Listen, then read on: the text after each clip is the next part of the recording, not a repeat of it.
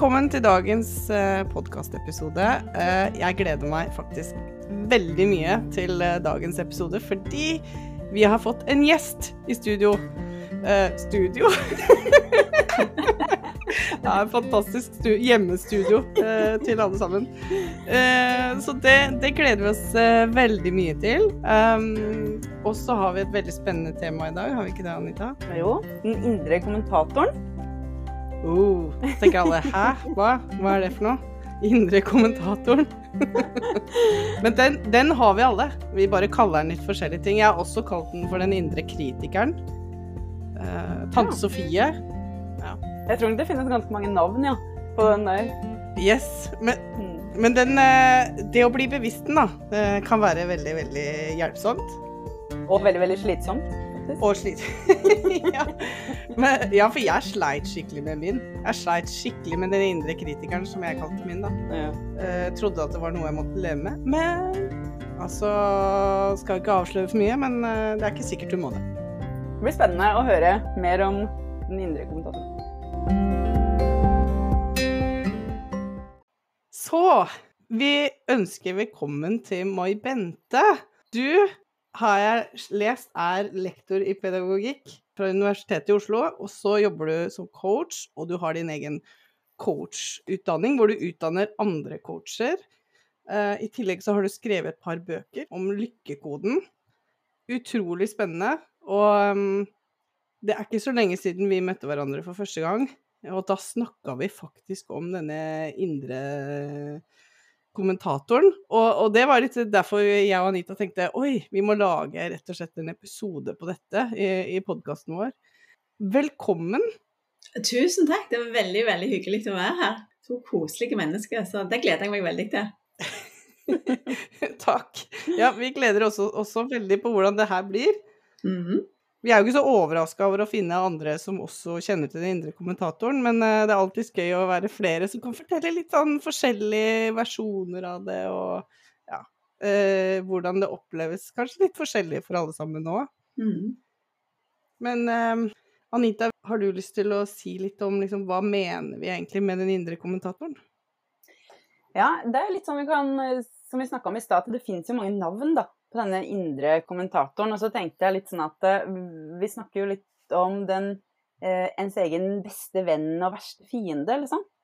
Og det er jo mye av det som på en måte foregår oppi huet, da. Og det liksom um, Være noen ganger er at man liksom alltid tenker på de sånn negative tankene i forhold til det som foregår oppi, oppi huet. At det er liksom alltid liksom den motgangen eller den kritikeren. Men det er faktisk også at uh, den beste vennen som foregår oppi huet her, at den nå snakker liksom med oss. Og, for det har jeg merka noen ganger. Det virker som jeg Eller jeg har begge deler.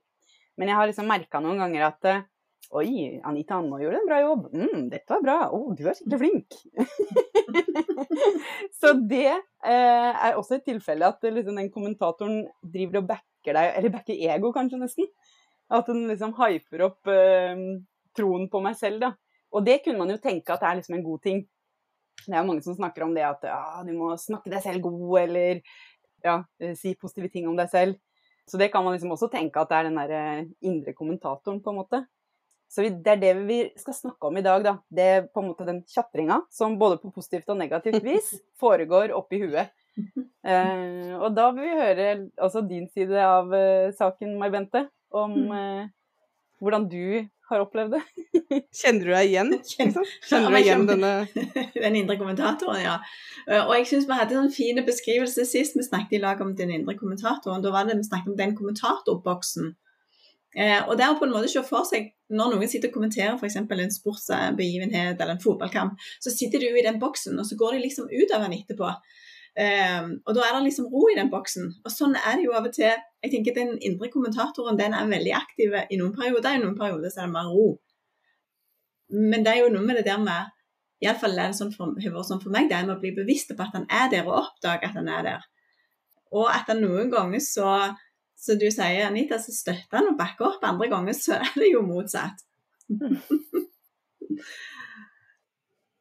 jeg husker en gang um, Jeg har liksom blitt nå, Etter hvert som jeg har blitt mer bevisst han, så kan han, han kan være veldig aktiv, men han har blitt mye roligere. Sånn at det er ting som jeg før kunne lage så mye styr av, og lage mye sånn tankestyr av, det er, det kan, det er mye mer rolig nå på mange områder. Eh, sånn at eh, Jeg husker en gang jeg skulle eh, til ha et sånn åpningsforedrag på en sånn stor landskonferanse som skulle være borte på tror det var Tønsberg. I hvert fall så måtte jeg med et sånn et lite Widerøe-fly. Og det, det, flyet det gikk kun på fredagskvelden. Det gikk ikke lørdagsmorgen, så jeg var nødt til å reise bort kvelden før. For, for å på en måte være klar om morgenen da, til dette åpningsforedraget. Og da var det sånn at når jeg kom der, da, så kjente jeg jo ingen. Og dette var bare sånn ortopeder, ingeniører og sånne folk eh, som inviterte meg med på kveldsmiddag på kvelden. Og i utgangspunktet så elsker jeg sånne tilstelninger. Hvite duker og fine omgivelser og sånn. Men da bare kunne jeg liksom merke at eh, den indre kommentatoren var Han var liksom ikke veldig aktiv, men han var baki der. Og da var det sånne gamle tanker om at nei, det kan du ikke. Eh, hvordan vil folk tenke? Du kjenner jo ingen. Du kommer helt sikkert til å sitte der som en loner på det bordet. Eh, ingen vil snakke med deg, og det kommer bare til å bli helt kleint hele greia. Kunne jeg bare merke de, de der tankene baki der. Men samtidig så kjente jeg at eh, jeg hadde liksom ikke noe sånn De, de tok meg ikke. Jeg ga dem liksom ikke så mye oppmerksomhet og energi. Sånn at jeg bare sånn OK, men klart jeg kan det. Jeg har lyst til å gå. Jeg liker jo, jeg liker jo hvite duker. Jeg liker jo disse her. OK, så hvis jeg sitter der alene, så får det bare være. Det går helt fint. Eh, og den friheten det ga er ikke, nå, nå, er det ikke sånn at dette skjer alltid, noen ganger blir jeg også hekta av den, men, men, bare for den friheten det gir når du da kan bare gå der og sitte der. Og, og det er klart, jeg kom jo inn i det rommet, og jeg kjente jo ingen. Eh, og alle sammen sto jo og snakket sammen. Og jeg sto der på sida og tenkte mm, ja, dette var jo interessant. Helt til det kom en, en og liksom OK, vil du, hvor hører du til, og hvor jobber du? Nei, jeg jobber ikke, jeg skal ha et foredrag her i morgen, liksom. Å ja, spennende, hva jobber du med? Og så, så ble jeg invitert til å sitte med bordet med deg, og fikk så mange hyggelige samtaler med folk som ei som drev en gard langt opp på Sørlandet, og det var kjempemange spennende ting. Og så tenkte jeg på etterpå, så tenkte jeg jeg er så glad for den bevisstgjøringen og den friheten det gir. For ellers hadde jeg sittet på rommet med sånn takeaway-pizza antakelig, eller et eller annet sånn kjedelig greie. Og den opplevelsen hadde jeg ikke fått, liksom. Eh, så, så det, å, det, å, kunne sitte der og merke at ja, den kommentatoren er i gang, men det betyr faktisk ikke så mye, det syns jeg gir meg stor frihet. Mm. Ja, helt enig. Det er en fantastisk historie. Jeg kjenner meg jo igjen. Jeg tror jeg har noe, noen lignende historier også. Men det er jo uh, jeg, jeg, for min del har jo slitt mest med den indre kritikeren i den kommentatorboksen, da, hvis vi sier at det er forskjellige mm. roller som kommer inn der. Uh, så når jeg sleit med depresjon og angst, så var det jo konstant indre kritiker i denne boksen. Han slapp jo ikke inn noen andre i det hele tatt. Mm. Så jeg kan ikke huske så veldig ofte sånn Oi, nå gjorde du det skikkelig bra. Den kommentatoren var ikke på besøk. Han fikk ikke komme inn. Jeg tror døra var låst, rett og slett. Så. Men jeg kjenner, kanskje, Kanskje jeg kan kjenne på det nå, det har jeg bare ikke tenkt så veldig mye over. Uh, men, men, det er jo akkurat det, da. Vi, vi, tenker som regel ikke så veldig over denne indre kommentatoren. Den bare er der. Så, mm. så konstant stemme uh, bak der, liksom. Uh, men jeg, jeg, har den jo nå også, men det, det, den er ikke så plagsom, da. For han der indre kritikeren, han var ganske plagsom. Eller hun eh, tante Sofie på, på, skulderen med pekefingeren. Du må ikke, du burde ikke, du skal ikke, du burde gjort sånn, du burde gjort ditt, og du skulle vært bedre på det og ditt og datt, og hvorfor gjorde du det, og hvorfor tror du at du er noe i forhold til de andre, og ja. Eh, det var ekstremt eh, negativt fokus. Men greia var jo at når jeg hadde den, så satt jeg og hørte på det òg. Jeg satt jo og hørte på den hele tiden og, og, tenkte på det den sa, og tenkte mer og bare hørte mer. Har du noe mer å fortelle, liksom? Jeg var jo interessert i å sitte og høre på det, kontra å leve livet. Så som du sier, da, så, så hadde nok jeg valgt å sitte på hotellrommet og høre på den indre kritikeren istedenfor å gå ut.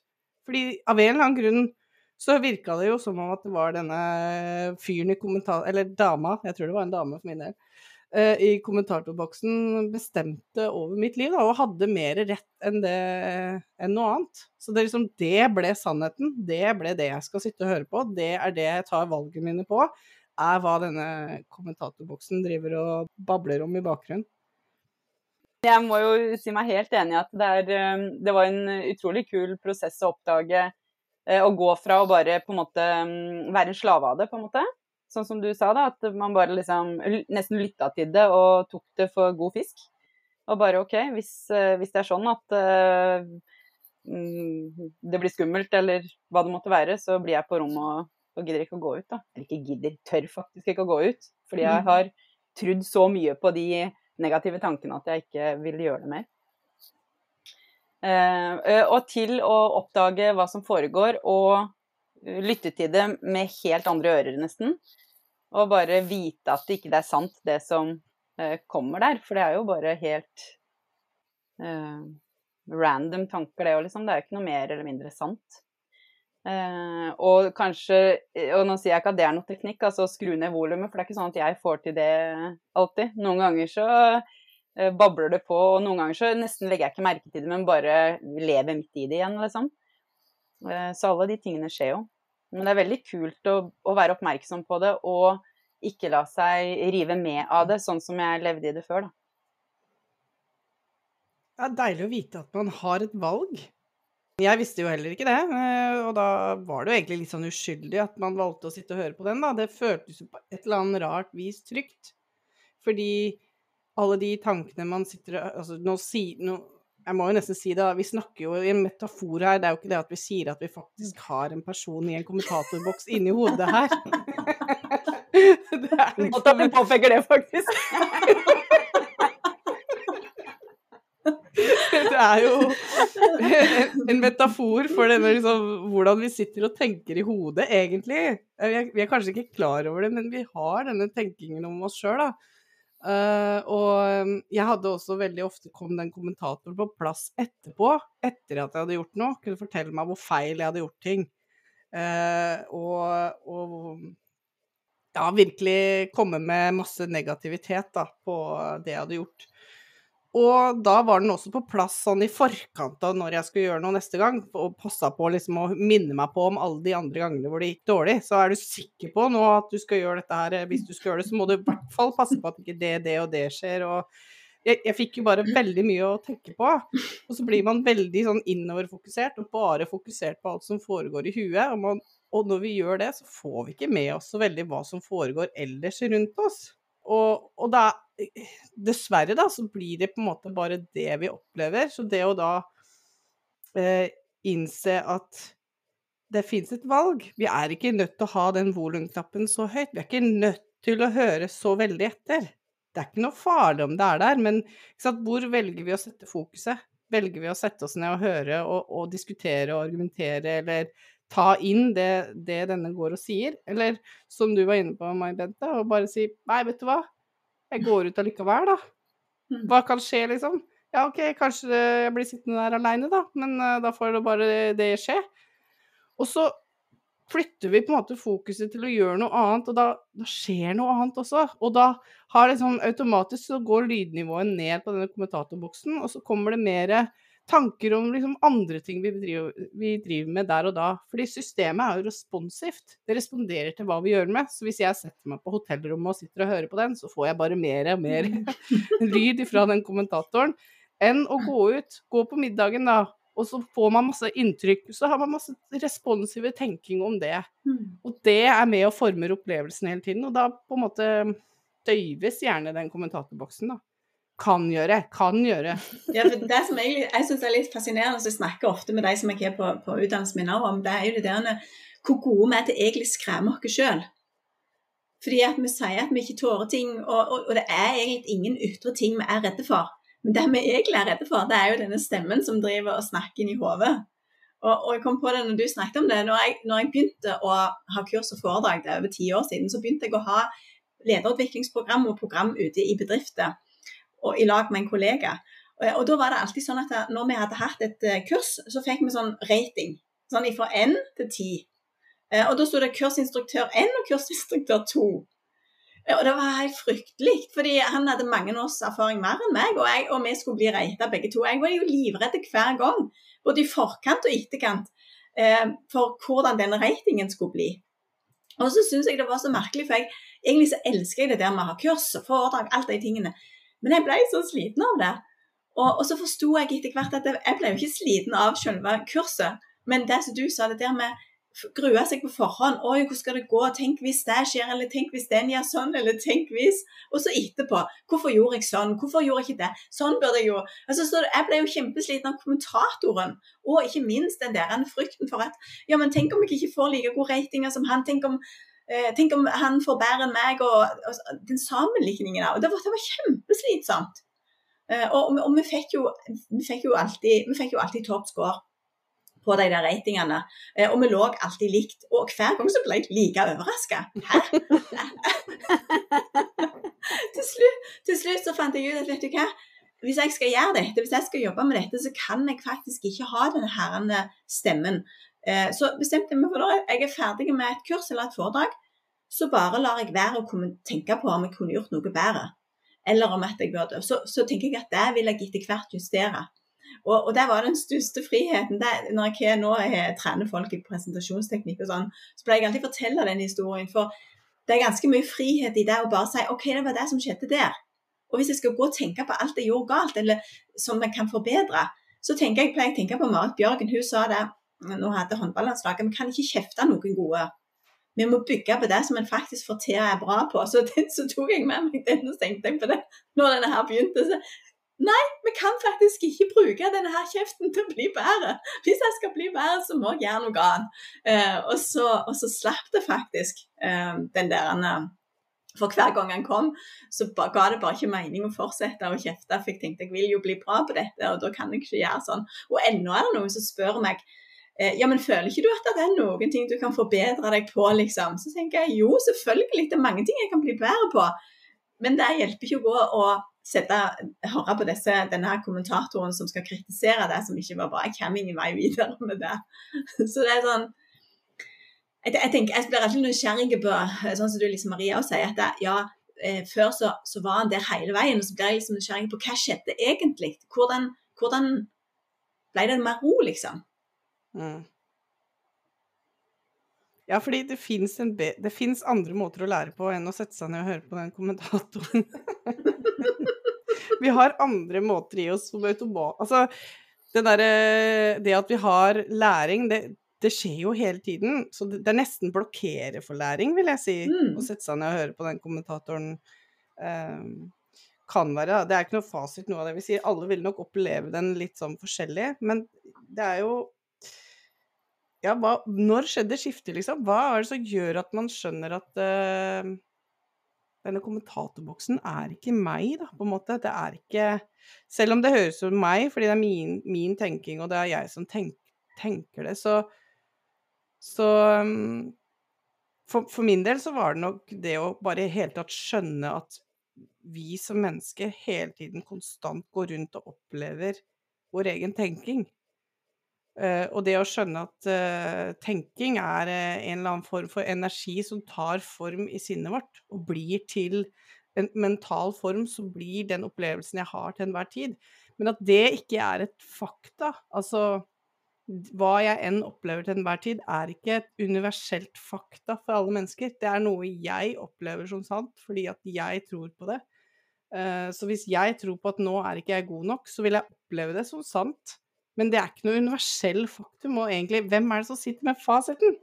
Altså, det jo, I det tilfellet er det jo jeg som har lagd en eller annen fasit om at jeg ikke er god nok. Mm. Uh, så det å bare skjønne hva det egentlig er, den derre tenkinga var liksom første steget for meg, da, for å, å virkelig først se at oi, jeg får det bare vondt av å sitte og høre på denne kommentatoren. Mm. Uh, jeg får det ikke noe bedre. Jeg lærer ingenting av den. Uh, det eneste jeg gjør, er at jeg sitter og føler meg som mer og mer ødelagt. Mm. Vet ikke, hva, hva var uh, deres opplevelse på det? Jeg kan ikke si at jeg husker liksom akkurat Jeg kan ikke huske akkurat når jeg på en måte gikk fra at det var usynlig for meg, til at det blei synlig, liksom. For jeg har alltid vært opptatt av liksom, tanker, tror jeg. Eh, men jeg tror jeg la litt merke til det tidspunktet hvor jeg skjønte at jeg hadde et valg, da. For jeg husker jeg liksom Jeg la merke til at det, jeg til stadighet liksom spilte fil, spillefilmer som var ganske sånn tragiske eh, og triste. Eh, om og om igjen, liksom. Um, og det gikk på repeat, og jeg følte jo selvfølgelig det. Og så var det jo da på et eller annet tidspunkt som jeg bare Men må jeg det, da? Må jeg spille disse filmene om og om igjen, liksom? Uh, så bare Nei, det trenger jeg faktisk ikke. Og, så, og da var det litt sånn Nei, da går vi og gjør noe annet. og så, uh, mens jeg gjorde noe annet, så plutselig begynner denne videoen igjen. Uh, med liksom samme tragiske 'Dette går ikke bra. Dette er ikke fint. Du, du, klarer ikke dette her', liksom. Så bare OK, here we go again. og så bare 'Dette trenger jeg ikke, nei'. Nei. Kjempefint. Da slutter vi igjen. Og så var det på'n igjen. Og det skjedde ganske mange ganger, men jeg tror det var liksom litt av bevisstgjøringsprosessen på hele kommentatorboksen. da. At jeg liksom la merke til at jeg skikkelig mange ganger spilte den filmen, eh, og så bare Ja, vi stopper den. Så jeg tok liksom den derre record machine ikke det. Nå gikk jeg tilbake til 1980, merka jeg. Men at jeg liksom satte filmen på stopp, og så bare begynte den eh, liksom, Da jeg forlot rommet, så bare begynte den igjen, og så bare OK, stopp igjen! Eh, så det gjorde jeg veldig, veldig mange ganger, til det liksom ikke begynte av seg sjøl. Den liksom De skrekkhistoriene mine begynte ikke automatisk når jeg ikke trykket på stopp. Eh, og det var liksom en sånn prosess som skjedde, litt over tid, tror jeg. Mm. Ja, men så er det jo klart nå også, så har jeg jo Eh, noen filmer som driver og går på i bakgrunnen uten at jeg helt veit det. Men så kjenner jeg jo følelsen, da. Eh, på at jeg er trist eller på et eller annet. Så bare OK, nå har det Så jeg blir liksom mer nysgjerrig nå, på en måte. Litt sånn her OK, hva er det som har foregått på det filmlerretet nå som jeg ikke har egentlig lagt merke til?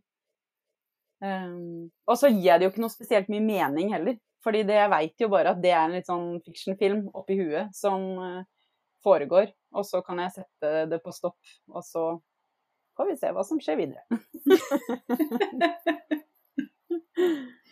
Men jeg syns det der med å forstå at følelsene er egentlig bare en konsekvens av det du har tenkt, at det er bare en, en uh, skygge liksom, av, av tankene. Uh, de, kan, de, føles veldig ekte. Mm. Veldig, altså, du, kan jo veldig tro på dem, og, det, og det, kan, det, det, kan, gå veldig sånn svingninger, eh, syns iallfall jeg, da i livet. At eh, noen ganger så er det jo, og, og det tenker jeg det snakker man for lite om, at noen ganger er det tungt, noen ganger er det vanskelig. Noen ganger så ungene pleier å si at det biter livet, Eh, og det gjør det. Og, og, det går litt sånn opp og ned. Men jeg tenker at det, det å forstå at det, ok, det handler ikke så mye om det som skjer, men den måten jeg tenker om det, det gir meg en opplevelse. Og, og, og det eh, det der med at det, er en dag du kommer hjem og det er masse rot f.eks. på kjøkken, det syns jeg er fascinerende å legge merke til. At en dag kan det være ingen problem. Og bare sånn OK, her var det rot, la, la, la. En annen dag kan det være det som bare bikker, og alt er bare helt uh, svart på en måte. Altså, å, jeg kan ingen rydde her, og det bare liksom uh, Ja. Det, det, den der forskjellen i bevissthet, eh, og hvor du, hvor du sjøl er i det utgangspunktet, det syns jeg er kjempespennende i forhold til det med tanker. Og, og jeg merker veldig ja, at når jeg er god til å ta vare på meg sjøl og behovene mine, og ikke bare rushe ting, så er jeg mye større tilstedeværelse, og da er det mindre kaos i de tankene. Mens hvis ting går litt på travelt, og det er litt lite tid til, til å lande innimellom, så er det lettere så jeg pleier å si, å gå på den der limpinnen med å bare så, må jeg, må jeg tenke at det er så viktig da, at ikke en lage en illusjon av at ting er bare OK, så forstår du at tankene ikke betyr så mye, så går du liksom fri resten av livet. Um, for, for, det er jo ikke sånn det er. Jeg syns det er kjempeviktig det du sier der også, at uh, det er ikke liksom Man skal ikke bare ha det bra hele tida. Det handler ikke om at vi bare skal ha det bra hele tida. Livet mm. kommer med alle de forskjellige valørene, og det å verdsette det òg er jo veldig fint. Og jeg tror at uh, Jeg tror nok at jeg ikke nå lenger er så redd for på en måte nedturene. Og dermed mm. blir ikke nedturene så dype heller. Mm. Fordi før, da jeg hadde liksom kommentatorbuksen og det gikk ganske liksom down the rabbit hole, så blei jeg livredd samtidig. Mm. Og da blei det enda, enda verre, liksom. Mm. Så nå så kan jeg oppdage og oppleve at ting er litt kjipt, og det er på en måte helt greit. Mm. Uh, og da er det ikke så Det er jo ikke noe gøy å ha det kjipt, men, men, uh, men, det er på en måte Jeg ser det på en annen måte som er mer interessant enn at jeg bare var redd for det før òg. Mm. Fordi den indre kommentatoren vil jo gjerne påpeke enten at det er noe feil med meg, eller omgivelsene mine, eller at det er frykt eller fare i omgivelsene som jeg må unngå. Altså, det vil høres ut som sannheter, da. Men det å vite at det, det høres ut som sannheter, det føles som sannhet for oss når vi tror på det, men i det øyeblikket vi ikke tror på det, så er det plutselig ikke det lenger, da. Så, øh, så det å skjønne litt mer hva det faktisk er, gjør jo at det, øh, det å ha en opplevelse, og, og, de følelsene vi har, gjør jo at det ikke spiller så stor rolle om vi har gode eller dårlige opplevelser lenger, da. Mm. Eh, fordi det er ikke lenger snakk om at nå er du, nå er du uh, mislykka for resten av livet. Nei, det handler om at uh, du har mislykka tanker akkurat nå, og da føler du deg mislykka. Uh, det er ikke noe universell faktum, liksom. I, i det de tankene er borte, så vil du igjen være tilbake til å føle noe annet. Da vil føle de tankene som er der akkurat der og da, da.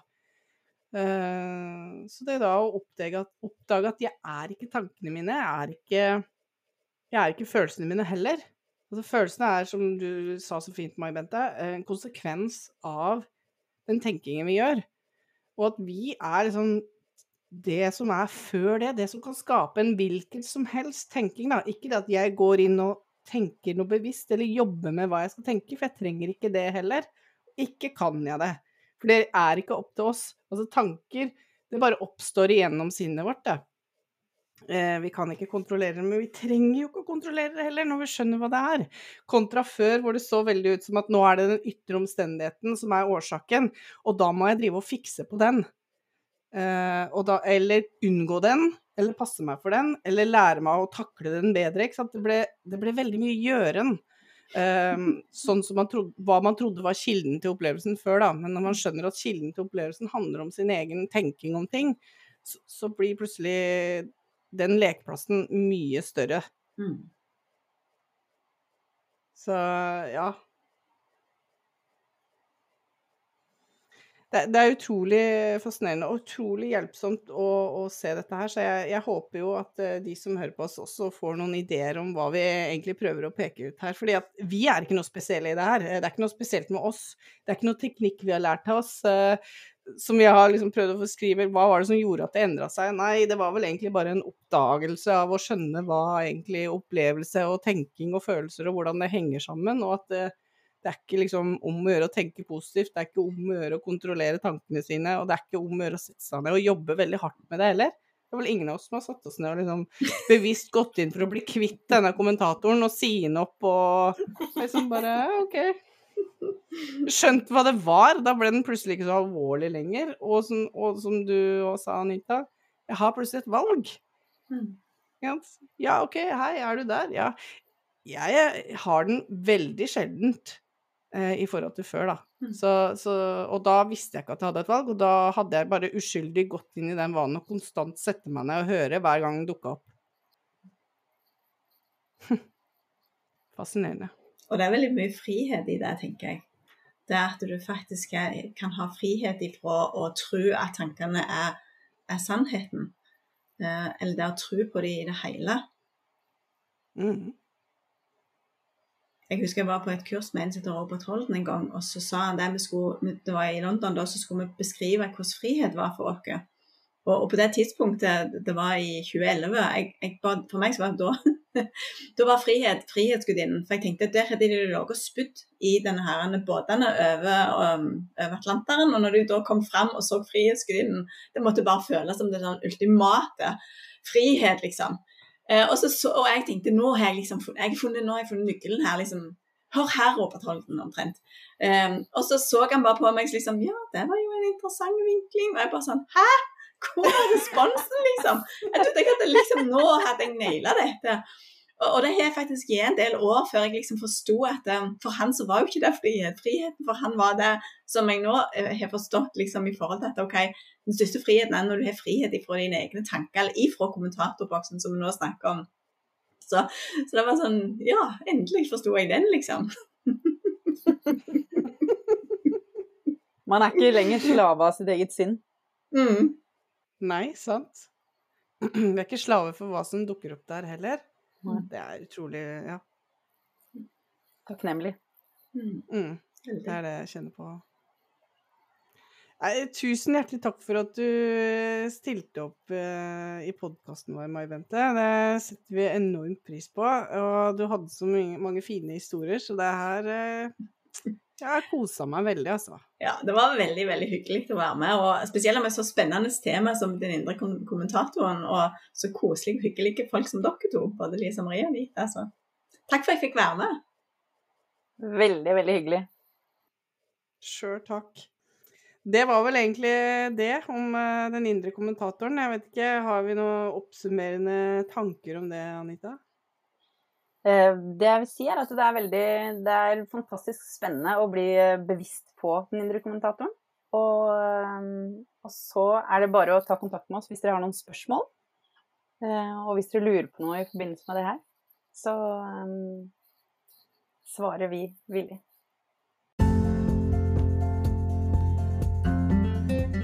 gjør vi. Så um, jeg vet ikke, det eneste som, som dukka opp for meg, var vel at uh, Ikke fortvil om du oppdager at du har en indre kommentator. det er veldig normalt. Uh, og så vær litt heller nysgjerrig på om liksom Har du større frihet til den enn du tror?